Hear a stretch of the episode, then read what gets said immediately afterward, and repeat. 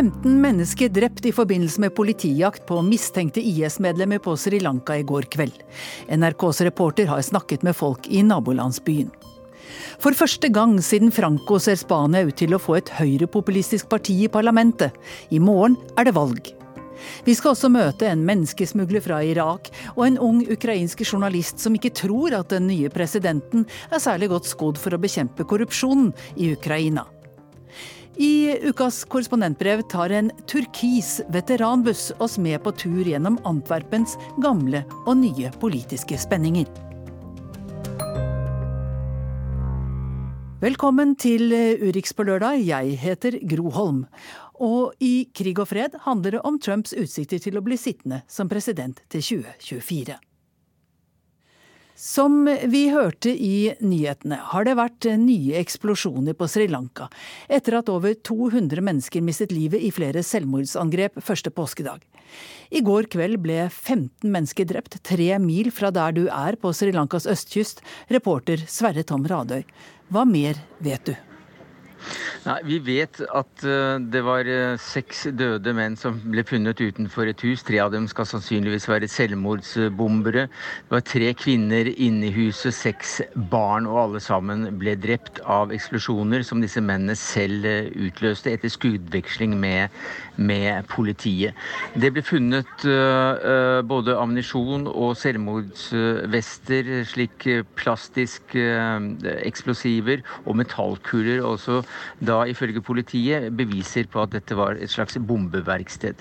Jeg har tidligere vært der, eh, både etter tsunamien, da det ble delt ut eh, nye kanoer til, eh, til fiskere som hadde mistet alt, og bygget hus som da var revet ned av tsunamien. 5000 mennesker ble drept akkurat i det distriktet av tsunamien. Og det er akkurat i noen av disse husene som, som denne aksjonen og disse menneskene døde. Vet man noe om Eh, om hvor mange IS-medlemmer, eller antatte IS-medlemmer, som, eh, som, ble drept? Nei, det vet man ingenting om uh, foreløpig. Og når det gjelder disse tallene som vi kommer med her også, skal vi ta med alt med et klype salt. Uh, tall på, også på Sri Lanka uh, pleier å, å, være veldig ja, De justeres litt etter hvert. Så man, det, er, det, er, lite man vet om disse foreløpene. Dette er bare opplysninger som kommer fra politiet. Hvordan tar folk der du er, det som nå skjer? Nei, Her tar folk det på veldig mange forskjellige vis. Men gjengs er det at, at det, er, det, er, hoderystende uh, at noe sånt kunne skjedd. Det var ikke forventet i det hele tatt i dette området her, det var et kjerneområde for, for, konflikter i gamle dager også. Eh, for ti år siden så ble det jo eh, slutt på en, en, 10, en 26 år gammel borgerkrig mellom den srilankiske regjeringen og de tamilske tigrene, som besto både av kristne og hinduer. Muslimene har følt seg skviset mellom regjeringen og, og disse tamilene eh, i all den tid. Da Erik Solheim var her som, eh, som leder for fredsprosessen, så ble han spurt om hva han kunne gjøre for muslimene, for vi trenger hjelp. Vi må inn i fredsprosessen. Hvis ikke så kan dette gå galt. Eh, fredsprosessen gikk det aldeles galt med. Nå kan det tenkes at dette også kan eh, gå galt, for nå ser vi at eh, muslimsk ungdom er blitt radikalisert. Helt kort til slutt, Sverre Tom. Du har jo også møtt kona til denne pastoren fra Sionkirken, hvor et av selvmordsangrepene fant sted. Eh, pastoren selv var her i Norge da det skjedde, men kona har du snakket med, hun møtte selvmordsbomberen. Hva, hva, hva fortalte hun om hva han hadde sagt til henne? Nei, Først så snakket vi med pastoren, som selvfølgelig var veldig lei seg, men som ikke var her. Men Michelle, som hun heter, eh, Masan, hun, hun, traff jo da selvmordsbomberen. Men hun tok, tok han ikke i hånda, sier hun. Hun tar, alltid mennesker i hånda. Men denne mannen virket ganske eh, annerledes. Han var fjern, han var stresset. Eh, han hadde caps på hodet, noe du ikke har når du skal inn i en kirke. Og hun forteller da om at hun var søndag søndagsskolelærer, og at hun mistet eh, alle de 14 eh, barna. De var egentlig hennes søndagsskolebarn. Da må vi si tusen takk til deg, Sverre Tom Radøy på Sri Lanka. I Spania er det valg i morgen. Og for første gang siden Franco-diktaturet ser et høyreradikalt parti ut til å komme inn i nasjonalforsamlingen. Ifølge meningsmålingene vil partiet Vox få over 10% av stemmene, men enkelte eksperter tror at det kan bli mye mer. Arnt Stefansen i Madrid har fulgt den spanske valgkampen og prøver å forklare fenomenet Vox. Vamos a hablar de la. La oss snakke om venstresiden, sier Vox-lederen Santiago Abascal på et valgmøte her i Madrid. Venstresiden har hatt det veldig enkelt. De har vært politisk korrekte og moralsk overlegne. Det har vært lett for dem å bringe oss til taushet. Men den tiden er slutt. Folk er i ferd med å våkne, sier Vox-lederen foran 9000 begeistrede tilhengere. Respetas la historia y el legado de tus mayores. Si eres capaz de batirte para... Partiet Vox har sjokkert det politiske Spania. I desember i fjor kom Vox inn i parlamentet i en spansk region, sørspanske Andalusia. Og nå viser målingene at det samme vil skje på landsbasis etter morgendagens valg. Begge deler er enestående i tiden etter Franco-diktaturet og partiets retorikk treffer en nerve i det spanske samfunnet.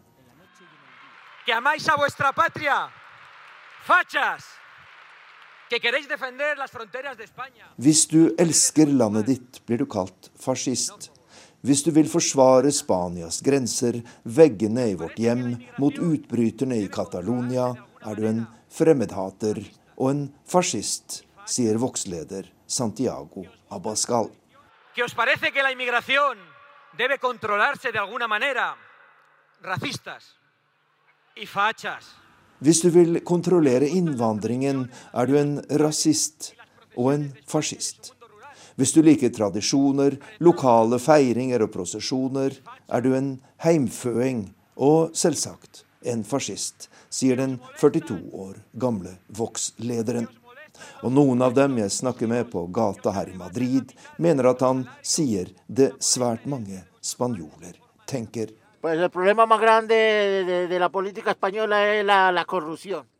Det største problemet i spansk politikk er korrupsjon, sier velgeren Carlos Gómez Cortes. De siste årene har vi hatt en lang rekke med store korrupsjonssaker, og det gjør meg rasende. Vi trenger et nytt parti som Vox til å rydde opp, og jeg kjenner mange som vil stemme på dem. Jeg tror de mektige skal få seg en kraftig overraskelse på valgdagen, sier Vox-velgeren.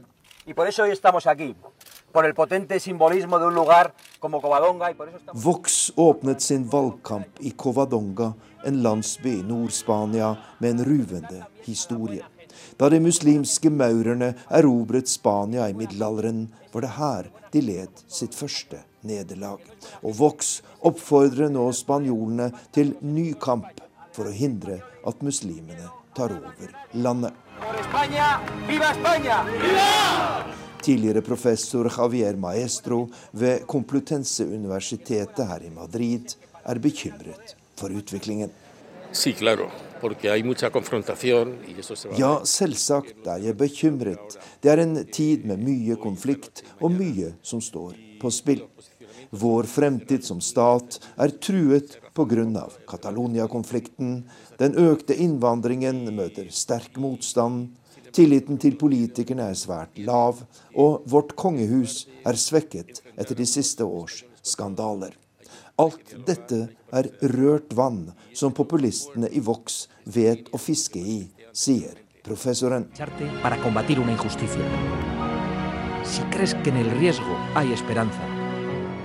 Den internasjonale høyrepopulismen har fått et nytt kraftig tilskudd. Mer enn 40 år etter at fascismen gikk i graven her i Spania. Og et av slagordene til partiet Vox lyder særdeles velkjent. Gjør Spania stort igjen.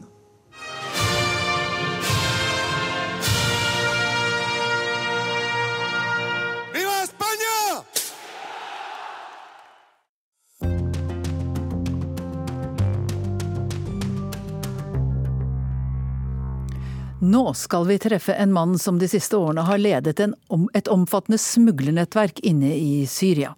Ved hjelp av bakere, vaskehjelper og sigarettsmuglere har Abdullah Shrem smuglet ut og reddet over 400 jesidier fra IS-folk som holdt dem som slaver.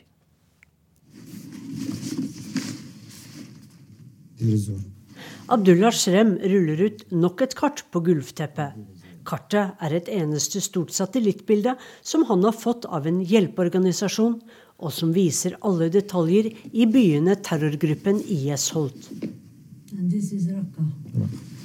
Vi sitter i stuen hans i en landsby ikke langt fra Dahuk i Nord-Irak. Shrem har på seg lys, grå dressjakke og mørke jeans og ser ut som den forretningsmannen han er. Men de siste fem årene har han også blitt smuglersjef for å kunne redde ut unge jesidi-kvinner fra slaveri. Før IS drev jeg med forretninger i Syria og bodde i Aleppo i tre år. Da IS kom, kidnappet de 56 av mine familiemedlemmer. Det var mine søstre, brødre og kusiner. Ingen land hjalp oss jesidier. Heller ikke regjeringen i Irak, sier Abdullah Shrem. Nå ville han redde dem selv, og tok kontakt med forretningspartnerne sine i Aleppo og Raqqa. Bruk sigarettsmuglere, var deres råd. For IS var det forbudt, haram, å røyke sigaretter. Og det var også haram å være jesidi. Vi sa til smuglerne at om dere får 500 dollar for å smugle sigaretter, så vil vi gi dere 1000 dollar for å smugle ut våre folk. Han begynte med tre sigarettsmuglere. Men nå har han 30 personer i nettverket sitt. Den første han reddet ut, var niesen sin. Jeg sendte smuglerne bilder av henne, og ga dem dato, sted og klokkeslett, og ba dem om å spise dadler. Niesen min fikk beskjed om å møte opp på samme tid i en bestemt park i Raqqa og se etter noen menn med dadler. Hun skulle gå bort til dem, og de skulle si til henne ja, vi er sendt av Abdullah for å redde deg. Og slik begynte smuglervirksomheten, altså redningsoperasjonene, forteller han. Etter hvert knyttet Abdullah Shrem til seg flere. Det var kvinner som solgte barneklær, menn som solgte kjeks utenfor sykehus, og rengjørere. Sentralt i nettverket var et bakeri i Raqqa, med ansatte som kjørte ut brød til hele byen. Når vi fikk tips om et hus der jesidier ble holdt som slaver, dro en av bakerne våre ut for å undersøke hvem som bodde i huset, og om nødvendig holdt han øye med huset i flere dager. Når vi var sikre på at en jesidi holdt til der, sendte vi kvinnen som solgte barnetøy, til huset. Hun kom seg inn og ga jesidi-kvinnen eller jenta beskjed om hvor og når hun skulle møte opp for å bli reddet, forklarer Abdullah Shrem. Men terrorgruppen, som ikke skydde noen midler for å undertrykke, drepe eller torturere folk, viste heller ingen nåde når de oppdaget syrere som hjalp jesidier med å rømme. Shrem mistet sju medarbeidere, to av dem var kvinner. Men også flere han forsøkte å redde, ble drept under flukten. Det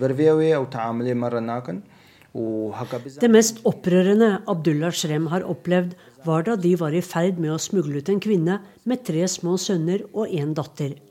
Den saudiarabiske IS-mannen som holdt henne som slave, oppdaget planen. Han forgiftet de tre guttene foran moren og begravet dem i hagen, mens moren ble tvunget til å se på. Abdullah viser oss noen opprørende bilder som han har på iPhonen sin. Ah. Tre små døde gutter svøpt i hvite tepper. Det neste bildet viser de tre små likene nedi en grøft. Den yngste er kanskje seks-sju måneder, den eldste fire-fem år. Det siste bildet er av moren, et ansikt preget av bunnløs sorg. Men Abdullah Shrem har også mange gode minner. Og den han er mest stolt av å ha reddet ut, er en døvstum kvinne. For henne var det ikke lett å sende beskjeder til.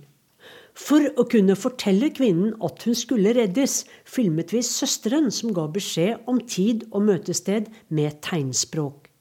En av våre folk viste henne videoen, og da ble den døvstumme kvinnen så glad at hun begynte å gråte. De første månedene under IS brukte vi ikke så mye penger, fordi så mange syriske kurdere hjalp oss gratis. Men da IS kastet ut kurderne fra Raqqa og andre byer, måtte vi begynne å betale folk, altså bruke sunni-arabiske syrere. Smuglere og andre måtte lønnes så godt at de ble avhengig av inntektene, og slik at de var villige til å fortsette å ta risikoen for å hjelpe oss. Terrorgruppen IS har mistet territoriet sitt i Syria. Men fremdeles finnes IS i lukkede miljøer i Irak og Syria, der de holder jesidier fanget. Abdullah Shrems jobb som smuglersjef og redningsmann er ikke over. Og det var korrespondent Sissel Wold som hadde truffet eh, Abdullah Shrem i Nord-Irak.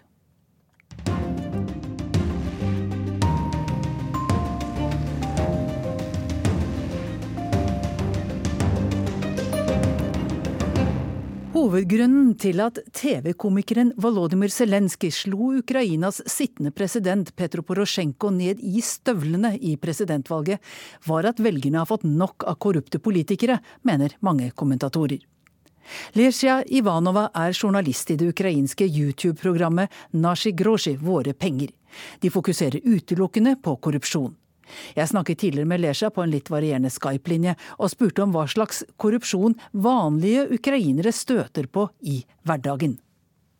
Well, for many years, uh, meeting corruption in your everyday life was something usual because um, it was a kind of a way to make your life easier, to pay bribes at the hospital to get better treatment. To I mange år har korrupsjon i hverdagslivet vært en måte å gjøre livet enklere på. Det har vært vanlig å betale bestikkelser på sykehuset for å få bedre behandling, og betale bestikkelser i barnehagen, og for å få barna dine inn på bedre skoler og på universitetet, og betale politiet for å slippe bøter for fyllekjøring, og å betale domstolen for at denne skulle treffe den beslutningen du trengte. Men du har alltid hatt et valg. Selv har jeg aldri betalt bestikkelser, sier Lesja Ivanova.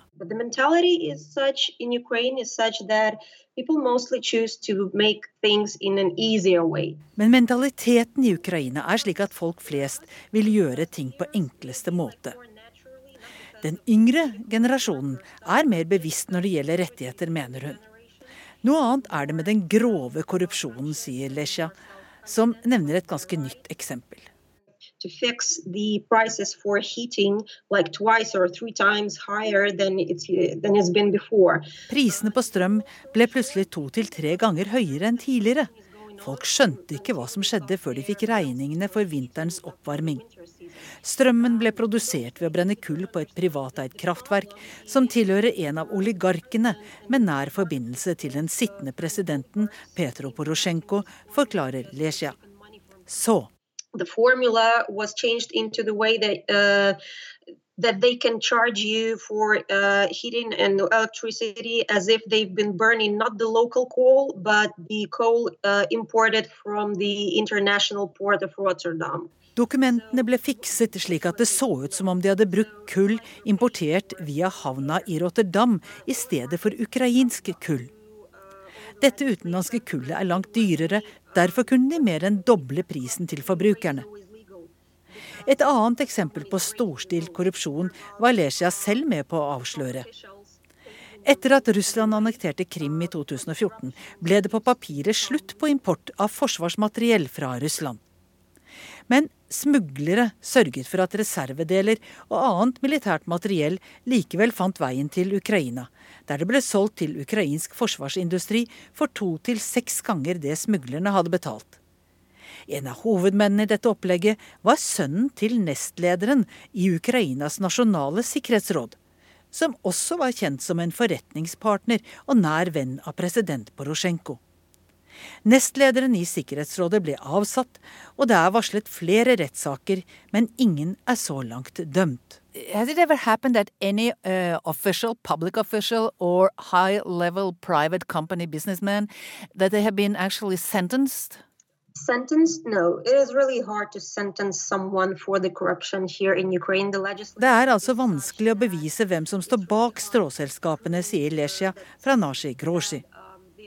Ukrainas nye president Volodymyr Zelenskyj har lovet velgerne at han vil rydde opp i korrupsjonen. Men Lesja er ikke overbevist om at han klarer det.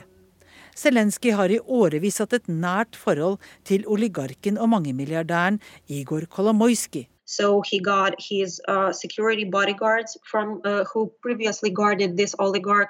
Han fikk livvakter og en skuddsikker bil fra oligarkens selskap. Kolomoisky og Zelenskyj har vært forretningspartnere i TV-produksjonsselskaper gjennom en årrekke, og Kolomoiskys egen TV-kanal har klart favorisert Zelenskyj under valgkampen. Kolomoisky har store eierandeler i selskaper som driver med olje og gass, metaller, kjemikalier og landbruk i Ukraina. The question of whether he can he can fight the corruption in general basically um, whether he can become independent of this one very oligarch that he's bound to. Og det sa journalist Lesja Ivanova fra YouTube-programmet Nashi Groshi. Med meg fra studio i Bergen har jeg Tina Søreide, professor ved Norges handelshøyskole. Søreide har de tre siste årene reist med norske studenter til Kiev for å samarbeide med ukrainske studenter om hvordan en skal få kartlagt korrupsjon. Hva har overrasket dere mest? Um, noe av det som har vært eh, ganske overraskende for NHH-studentene, var å komme til et land som er kjent for å ha store korrupsjonsutfordringer, og så møter de studenter som har nulltoleranse for korrupsjon. Som er virkelig lei av dette problemet, og som fremstår som ærlig og sympatisk og vennlig, og, og, og som de oppfattet var offer for, denne, for dette problemet. Noe helt annet som de fant særlig overraskende nå når vi var der sist i mars, det var holdningen til varslere som, som, faktisk var veldig negativ. Så iblant bedrifter og organisasjoner og til og med akademikere så var, så var det ingen aksept for at man måtte beskytte varslere. Så der har nok Norge hatt en, en, en prosess på dette som Ukraina ikke har hatt ennå. Det, det, finnes jo nå tre statlige institusjoner som bare har som formål å bekjempe korrupsjon i, Ukraina, pluss en nyopprettet spesialdomstol som ikke har ordentlig begynt å fungere enda. Men hvorfor klarer ikke disse å utrette mer? Det er et godt spørsmål. De, eh, det har jeg lurt på også. Eh, de har ulike funksjoner. Én en enhet skal etterforske, en annen skal, eh, er ansvarlig for påtale osv. Og, og, og så er det kritiske funksjoner her som ligger rett under presidenten og det politiske systemet. Sånn at det er eh, egentlig ganske lett for det politiske systemet å påvirke de funksjonene der. Så hvis det er korrupsjon politisk, så, så er det også ganske lett for de å påvirke etterforskningene. En annen side ved det er at det er at det er veldig mye korrupsjon i rettssystemet. Sånn at når man, når man, prøver å få en sak For det er selvfølgelig mange folk i disse institusjonene som prøver å gjøre en god jobb. Og, men noen ganger når de da får ta ut tiltale og en sak kommer til retten, så er dommerne kanskje korrupt. Finnes det eksempler på vellykkede tiltak mot eh, korrupsjon i Ukraina? Ja, det gjør det. Eh, for eksempel så det, har de innført en, en eh, ordning for innkjøp i offentlig sektor som, er, som heter Prosorro, som, som, sikrer at alle innkjøpene gjøres elektronisk og med, med, med, på en måte som gjør det mye vanskeligere å betale bestikkelser og sånt, og med innsyn, og man kan se hvem, hva bud har vært og sånt, sånn at man får en kontroll på innkjøpsprosessen i offentlig sektor. Så det har vært veldig positivt. Et annet ø, positivt tiltak er en businessombudsmann som, som, løser konflikter for privat sektor, som er uavhengig av domstolene og uavhengig av det statlige og, og også privat sektor. Det er veldig fascinerende. De har løst 4000-5000 konflikter de siste årene, mange av dem pga. korrupsjon. Og dette er jo veldig viktig i et land der bedrifter lurer på om de kan investere, og, og om de kan stole på, på at kontrakter blir håndhevet osv., siden det er så mye korrupsjonsproblemer. Gitt at den nye presidenten Volodymyr Zelenskyj har de beste intensjonene om å rydde opp, eh, hva skal til for at han kan klare det i en grad som virkelig utgjør en forskjell? Eh, han har noen veldig store utfordringer. Eh, og, og, noe av det vanskeligste er jo dette konstitusjonelle. Det å sikre eh, Det å redusere interessekonfliktene i, blant politikere og, og, og, næringslivsinteresser. Dette med oligarkene sin innflytelse osv. Den, den er jo en, en, en veldig viktig prioritet. Et annet aspekt er jo dette med med betalinger for helse, utdanning, det som kalles gjerne fasiliteringspenger i mange land. Ehm, det, det, er det ganske lett å gjøre noe med hvis han prøver. Ehm, men likevel så er det vanskelig å unngå Altså det å unngå sånne betalinger i et land der de ikke har råd til å heve lønningene. Det kan gjøre det vanskelig, men det er lettere å gjøre noe med det enn oligarkene. Um, andre ting er at uh, rettssystemet det, det, er de nødt til å renske opp i. For det, der er det, det er virkelig et problem at ikke folk kan ha tillit til, til domstolsprosessene. Eh, og så er det jo sånne ting, type ting som ytringsfrihet, demokrati og det å få konkurransetilsyn til å fungere. Eh, riktig rekruttering til statlige posisjoner. Beskytte vars varslere, som jeg nevnte. Så det er en lang liste av ting å ta tak i. Så, så, så det blir veldig spennende å følge med på. Takk til deg, eh, Tina Søreide, professor ved Norges handelshøyskole i Bergen.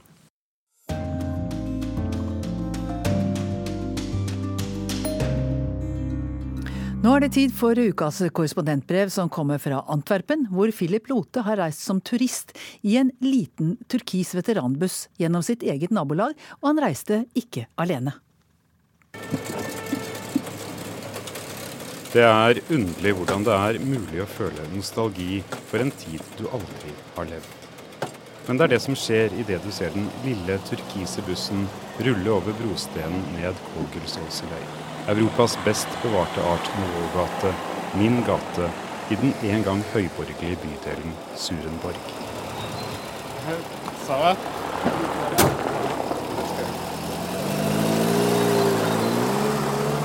Jeg klyver inn foran og holder tilbake lysten til å tone alt over i sort-hvitt. Jamil Wallachs er innehaver av en av Europas aller minste turoperatører. Voyage Lokal er en niseter buss, en Renault Estafette fra 1963. Da han fant den, tjenestegjorde bussen som hønsehus på en gård i Frankrike.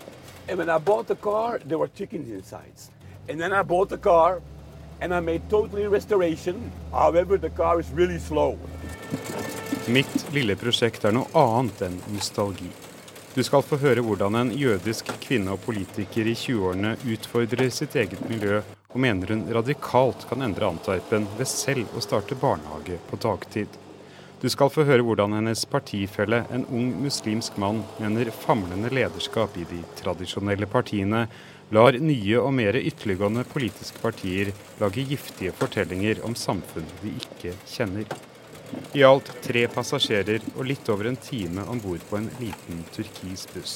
Voyage lokal, et dykk inn i historien og en kjøretur gjennom Antwerpens gater for å forstå litt mer av vår egen tid.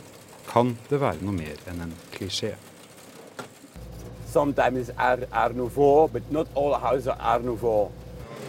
Surenborg, en våt, myraktig del av byen, gjort om til et boligstrøk for byens mest fornemme borgere, hvor fasaden var det aller viktigste. it needed to be a very wow effect. People needed to be impressed uh, when they came over here. Jamil og jeg plukker opp vår første passasjer, historikeren Hilde Krevs.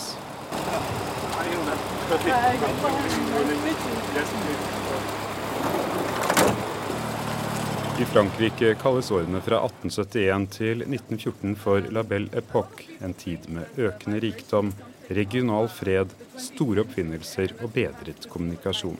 Antwerpen og min bydel Surenborg ble formet av denne epoken.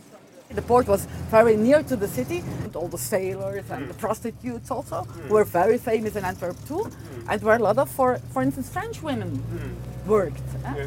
Um, so, but it was a rich period, so uh, a lot of people gained a lot of rich from trade. And they built nice houses, and, and they had capital to spend. So. Havnen, industri og kanaler som knyttet Antwerpen til resten av Belgia og Europa, og folk som flytter til, har ikke bare vært del, men er fremdeles definerende for Flandrens største by. Språkmotsetninger og kulturkonflikter er heller ikke noe nytt. École supérieure. There even were school in Antwerp with two languages. It was for the French. Uh, it was for the French bourgeoisie. They spoke French, very fancy language. Uh, there were schools with very nice heated classrooms, uh, good level of education. On the other side of the building, no heated classrooms, not payable. The level of education was a little bit inferior. Uh, Flemish language, Fransk versus flamsk er gamle spenninger som fremdeles lever i belgisk politikk. Men det er med den neste passasjeren at den lille turkise bussen tar om bord nytt politisk sprengstoff. Hallo. Hei. Hei. Vi stopper i Åstenstrat utenfor en jødisk skole. Om bord stiger Rezi Friedmann, datteren til en ortodoks rabbiner og fra sist høst en aktiv politiker i Kristendemokratene. I ett og et halvt år har jeg bodd i et triangel, et krysningspunkt som ikke bare i dag, men de siste 200 årene har vært der hvor Antwerpens borgerlige strøk grenser mot arbeiderbydelen Borgerhout og over i det jødiske kvartal. Et av Europas største og mest synlige jødiske samfunn. Synlig, men lukket. I think uh, it's a bit uh, closed, sort of closed sometimes. That people are not willing to go out and see what's that there are also other people in Antwerp. It's, it's not only the Jewish people. Det jødiske samfunn Resi Friedmann selv er en del av, og nå utfordrer, fikk lovlig opphold og anerkjennelse i Antwerpen i 1816. Det regnes som Europas aller siste Shetil, som er jiddisch for jødisk landsby, eller i dette tilfellet betyr nabolag. De lærte å kutte, slipe og å omsette diamanter fra Belgias kolonier. Fortjenesten var ikke alltid høy, men for et ofte forfulgt folk var stenene verdier de lett kunne få med seg om de raskt måtte reise. I mellom 1940 og 1945 klarte de likevel ikke å flykte fra nazistene og deres flamske kollaboratører. Før andre verdenskrig var det 35 000 jøder i Antwerpen. 65% ble drept i holocaust. I dag har samfunnet bygget seg opp igjen og teller 18 000. De aller fleste er ortodokse nå som før. Men jødene har ikke det samme grepet om diamantbransjen. Fattigdom, isolasjon og lav utdanning er et stort problem. Uh, community, there's a lot of poverty because they don't uh, have the education. I think that if more people would go to study and they would get to know the other, the discrimination that there is sometimes towards others would also get less.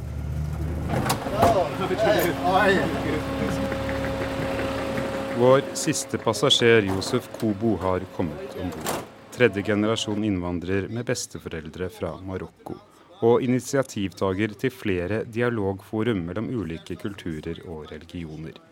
Idet han stiger om bord, oppdager vi at han også er en bekjent av Rezi Friedmann. Den unge muslimske mannen er, som den jødiske kvinnen, kristendemokrat. aktive i Belgias største tradisjonelle konservative høyreparti. Jamil styrer bussen mot arbeiderbydelen Borgerhout. Siden 1970 har mange marokkanske og tyrkiske arbeidsinnvandrere flyttet inn her. But in the 70s it really started to change. Nowadays it's a, it's a multicultural neighborhood. I believe almost 180 uh, nationalities. Praten går mellom våre tre passasjerer. I gode tider er innvandring og ulikhet lettere å håndtere for samfunn, sier historikeren Hilde Revs. You see in, uh, of course, you have different communities than we had, for instance, at the end of the 19th century. But you see that there are always periods in history when everything when, uh, goes on smoothly, and other periods when there are more friction. Josef Kobo sier økende jødehat er et problem og mener de siste årene har vært vanskelige år for sameksistens i Antwerpen. Større hendelser som har lite eller ingenting å gjøre med vanlige folks liv, har gjort den offentlige debatten trykket og vanskelig. Like the Brussels attacks, uh, the refugee crisis, the terror strikes and so on, and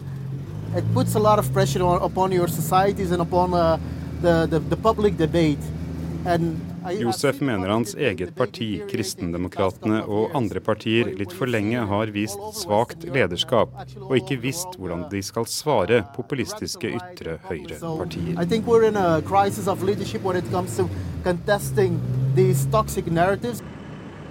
Rezi Friedmann har som sin partifelle Josef politiske ambisjoner. For å gjøre Antwerpen til en bedre by for alle, som hun sier. Hun har òg et helt annet, eget lite prosjekt, men som hun selv kaller radikalt. Noe så enkelt som dagpass for barn fra alle grupper i Antwerpen. Det er ikke mer som skal til, forteller hun, men ikke alle kan gjøre det. I'm a Jewish person so I can open it up. When someone else opens a, a school and says it's for everyone, the Jewish people are not going to come because they don't want the the they, they're scared actually. Vår byreise har kommet til siste stopp. Jamil stanser sin restaurerte turkisere nå og slipper våre passasjerer av litt utenfor Borgerhaug. Rezi Friedmann løser ut en bysykkel og begynner å trå hjemover i retning det jødiske kvartalet. Jeg tror hun var min første jødiske passasjer, i hvert fall første ortodokse, sier Jamil idet Rezi forsvinner ned gaten.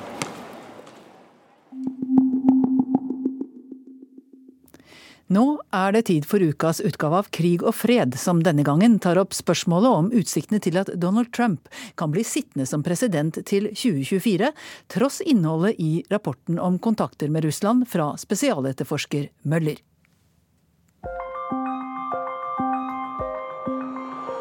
Jeg var i USA på skjærtorsdag, da politikere og kommentatorer endelig kunne kaste seg over rapporten til Robert Møller.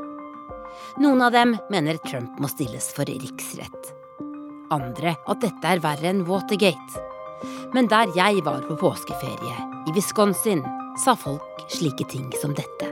Are you happy with the president? Oh yeah, very much. He's done a, a very lot for us. When when Trump took office, that's when it all turned around. It's a very dangerous moment for our country, but yet I have to say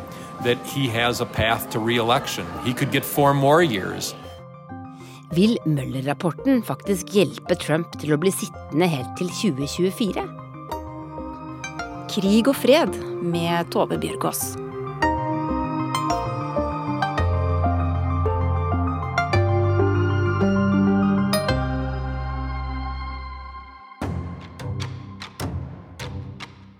Mueller-rapporten er en del av en større politisk krise i USA. Eh, den krisa handler om at Russland faktisk intervenerte i eh, presidentvalget i USA i 2016. Eh, men det er ikke det som er krisa. Krisa er at Russland prøvde å intervenere på vegne av en politisk kandidat, Donald Trump, og den politiske kandidaten ønska den intervensjonen velkommen. Jeg heter Hilde Restad. Jeg er førsteamanuensis på Bjørknes høgskole i internasjonale studier. Så spesialetterforsker Robert Mueller ble oppnevnt pga. denne krisa for å etterforske to ting. Den første tingen var å finne ut av om det i forbindelse med Russlands intervensjon i valget har blitt begått lovbrudd. Og etter at det her skjedde, om Trump eh, sjøl og folkene rundt han har prøvd å forhindre etterforskninga. Og det Robert Mueller fant, eh, var at det har foregått ekstensivt samarbeid, det på folkemunne som kalles collusion, mellom eh, russiske aktører og Trump-valgkampen.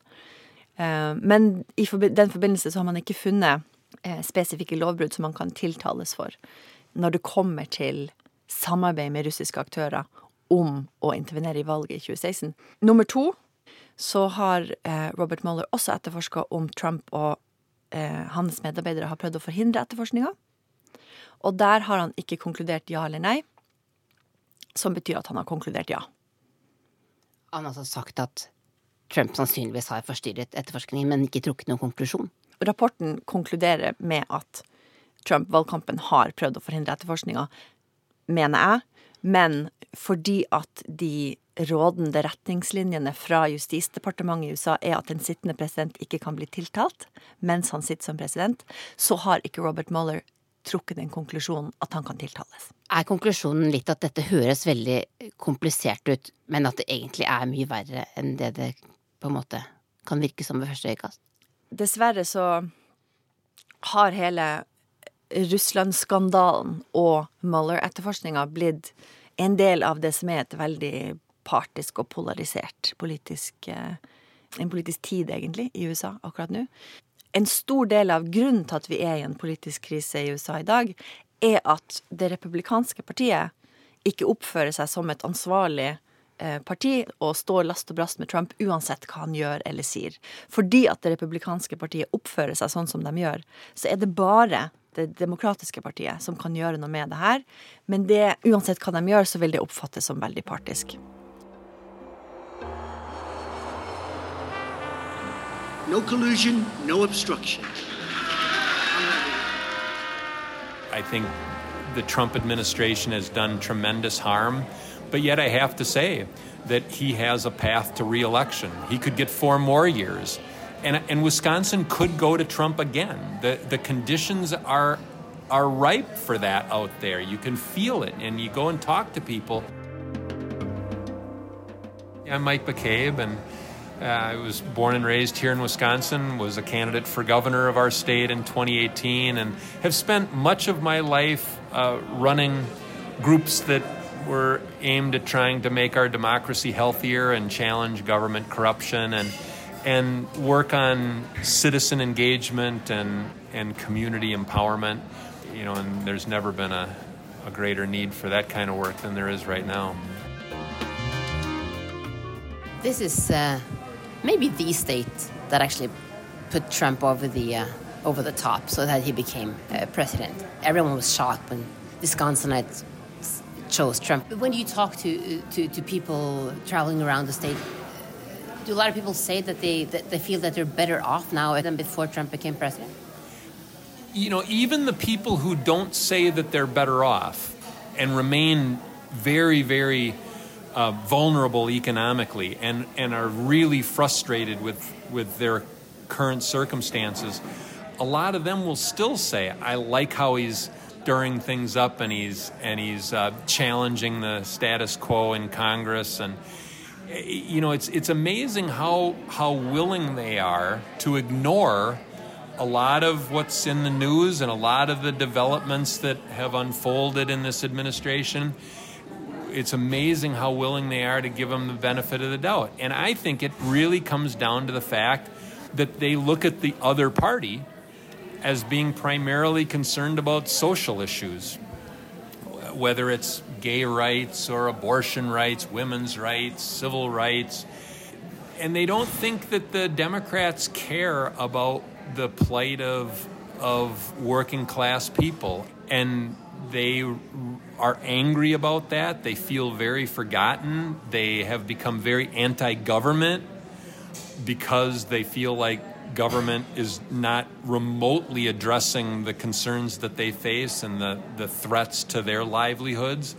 And so they feel like uh, government's almost become the enemy to them. So they like the fact that Trump has is kind of given the appearance that he's trying to blow stuff up, that he's trying to create havoc within the government. Can you explain? It's a little bit hard for, for Scandinavians to understand why are people so angry at, at the government here in Wisconsin, for instance? Just to give you an example, my parents were dairy farmers. Um, they were not highly educated. My dad only had an eighth grade education, never graduated from high school, worked all of his life, fought in World War II, um, lived through the Depression, and he was a lifelong Democratic voter because of Franklin Roosevelt and because of, of the New Deal and, and all of what the Democratic Party did to help rescue the country from the, from the Depression. And, you know, take rural electrification, just bringing electricity to rural areas and to farms revolutionized rural life. It revolutionized the agricultural economy, and people were aware of that. And they, they looked at Roosevelt as their savior. Well, now they can't get an internet connection, they can't get mobile phone service out in those rural communities. You know, there are people who will turn on a water faucet and what comes out is brown and smells like cow manure. They can't drink their water. They, they really feel forsaken. They feel like government has just written them off and doesn't care anymore. So that makes them very vulnerable to the Republican message that we should just have less government and lower taxes. That if government isn't going to work for you, then you might as well keep your taxes as low as possible. It's it's really fueled this anti-government fervor and Trump taps into that. He talked about draining the swamp. That was music to their ears. I mean, you know, the way I look at it, you know, the, the way things are going with the Democrats, you know, it seemed like the Democrats could just make a, a false accusation and then they try to put a person in the Trump campaign as a spy, a spy on the campaign. Well, then when it comes out that there was no collusion, there was no whatever, well, then the Democrats are up in arms like, well, we want more information, we want this, we want that. Well, I'd like to have some of the Democrats be investigated. Right. You know, I think they're a bunch of crooks. Her er jo det som er den store debatten og dilemmaet for eh, demokratene nå. Man har en president som ikke respekterer normer og regler, og som lyver mer enn noen annen president noen gang i amerikansk historie har laget. Hva gjør man med det? Fordi hvis demokratene finner ut at man er nødt til å starte riksrettssak, altså ta ut tiltale, som man gjør i Representantenes hus. Det kan demokratene gjøre fordi de har flertall i Representantenes hus. Hvis de gjør det, så viser det at de tar det Mueller-rapporten sier på alvor, og at de tar jobben sin eh, som kongressrepresentanter på alvor, fordi at det er Kongressen sin rolle å utøve kontroll overfor den utøvende makt. Men gitt at dette vil bli oppfatta og ikke minst snakka om som en veldig partisk ting å gjøre, så tenker kanskje demokratene at OK, jobben vår tilsier, grunnloven tilsier, at vi burde ta ut riksrettstiltale mot Donald Trump. Men kanskje ikke det lønner seg for oss politisk. Kanskje det betyr at vi tar ut riksrettstiltale mot Donald Trump i Representantenes hus. Det kan vi gjøre, vi har flertall. Men hvem har flertall i Senatet, som er dem som skal dømme i denne saken? Jo, det er republikanerne. Så let's play it out. Vi tar ut riksrettstiltale. Republikanerne frikjenner han i Senatet, og frem mot 2020-valget så kan Trump tvitre hver dag 'Jeg er frikjent'. Total witch hunt.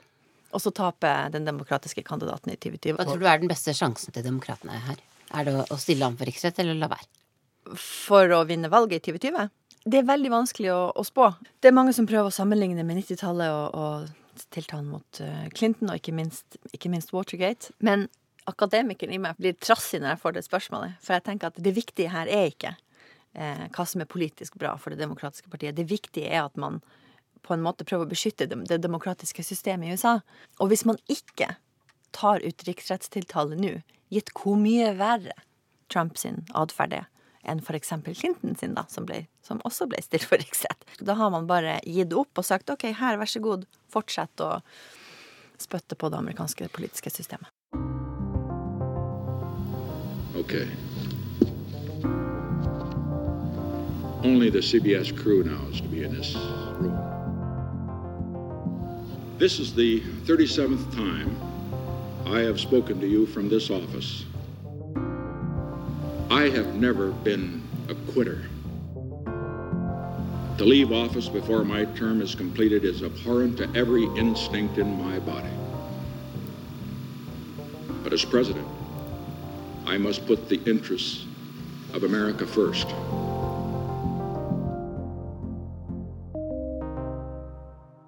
Det er to presidenter, begge fra det republikanske partiet.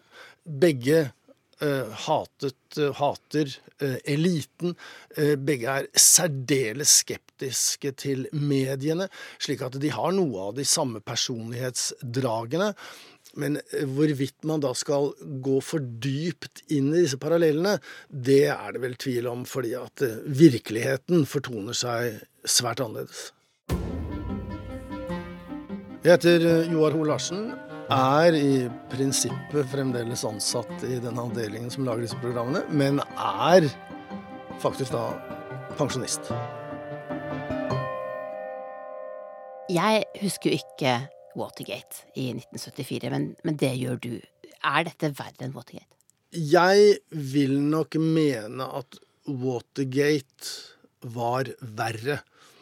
Eh, For der kom initiativet fra en sittende president i Det hvite hus. Eh, Slik at det var en president som misbrukte presidentembetet. Richard Nixon måtte da altså gå av. Eh, I denne sammenheng så er det en valgkamporganisasjon som har sett muligheter i et eh, system som da et annet land har forsøkt å utnytte.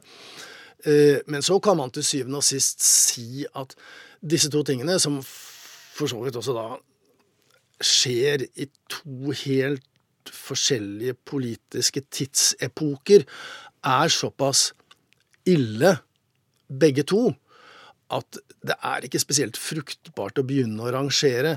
Ingen av disse to tingene burde ha skjedd, verken i 72 eller i 2016. Hilde, hva tenker du om, om, sammenligningen med Watergate? Er dette verre enn Watergate? Det er litt vanskelig å sammenligne med Nixon og Watergate, fordi at i dag har vi aspektet av en, en stat som USA definerer som en fiendtlig stat, som har forsøkt å gå inn og, og endre eller påvirke valgresultatet i USA og en av de to presidentkandidatene i USA ønsker den påvirkninga velkommen. For meg så er det det som er den egentlige krisa. Eh, det er derfor hele det nasjonale sikkerhetspolitiske apparatet i USA og eh, alle forskerne som jeg, som, jeg, som jeg følger med på i USA, som forsker på amerikansk sikkerhetspolitikk, har stått eh, og ropt eh, og skrekket i to år fordi at det er en nasjonal sikkerhetskrise. Det handler ikke bare om innenrikspolitikk og valg og polarisering. Det handler om USAs nasjonale sikkerhet. Eh, så for meg så er det et veldig viktig aspektor som ikke var til stede på 70-tallet. Samtidig så må man faktisk gi Nixon et poeng for at han hadde vært en av de få, faktisk kanskje den eneste, som har vært både kongressmann, senator, visepresident og president. Han var en insider. Uansett hva han gjorde, så respekterte han til syvende og sist regelverket. Han hadde respekt for systemet. Han prøvde riktignok å bryte alle reglene. altså Det er som en fotballspiller som tar ballen i hendene og løper.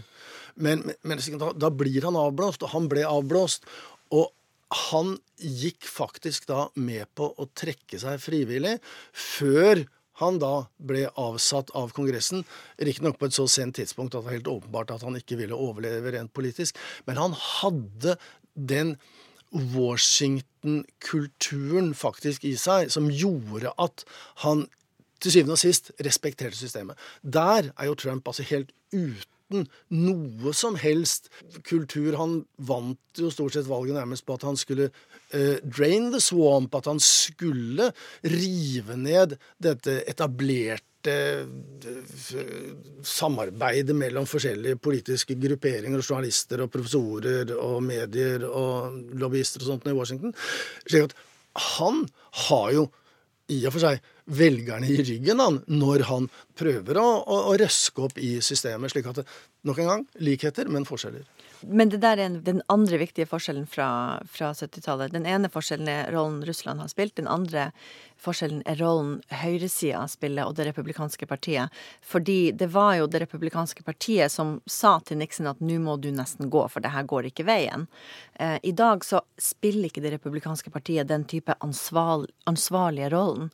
Istedenfor så har man et eget univers på høyresida, eh, inkludert Fox News og en, og en del andre aktører, som lager en egen virkelighet hvor man ikke trenger å forholde seg til spillereglene i den virkelige verden lenger. Du skriver en bok om det amerikanske politiske systemet. Trump sa faktisk eh, på skjærtorsdag at, eh, at han, eh, han fikk en gave fra noen krigsveteraner. Well, og sa at denne skal sette inn det ovale kontoret de neste seks årene. Jeg håper jo egentlig at det blir ti eller tolv år til, sa han.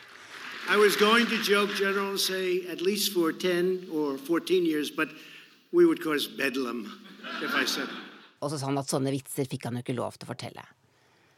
Er det noen det slags ingen, mulighet for at det, kan bli mer Det er for at ingen som tror det er en vits. Men hva, hvor langt kan han strekke det amerikanske politiske systemet, tror du? Trump er ikke årsaken til denne politiske krisa, han er et symptom. Og årsaken er det, en, en, viktig del av årsaken til der vi har havna i dag, er det republikanske partiet. Eh, og det er dem som lar Trump strekke det her veldig langt. Så svaret er egentlig Trump kan strekke det så langt som det republikanske partiet lar han. Grunnen til at Trump kan oppføre seg sånn som han gjør, er jo at han aldri Han blir aldri eh, straffa av det, av det republikanske partiet.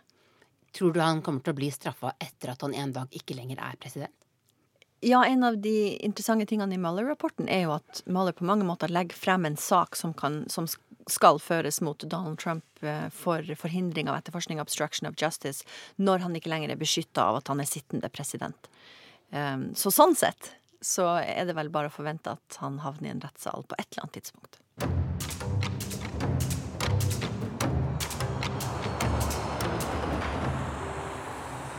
I remain optimistic that particularly younger generations are showing signs of wanting to sort of recreate the social contract that we had. Um, I, I, think they they will pull our politics back towards sanity, but we can't take anything for granted. And I, I think people on the left don't think it's possible. It's not imaginable that Trump could be reelected. And I keep telling him there is a path to his reelection. Og da er eh, denne Urix på lørdag ved veis ende. Teknisk ansvarlig Finn Lie, produsent Tom Ingebrigtsen og i studio Gro Holm.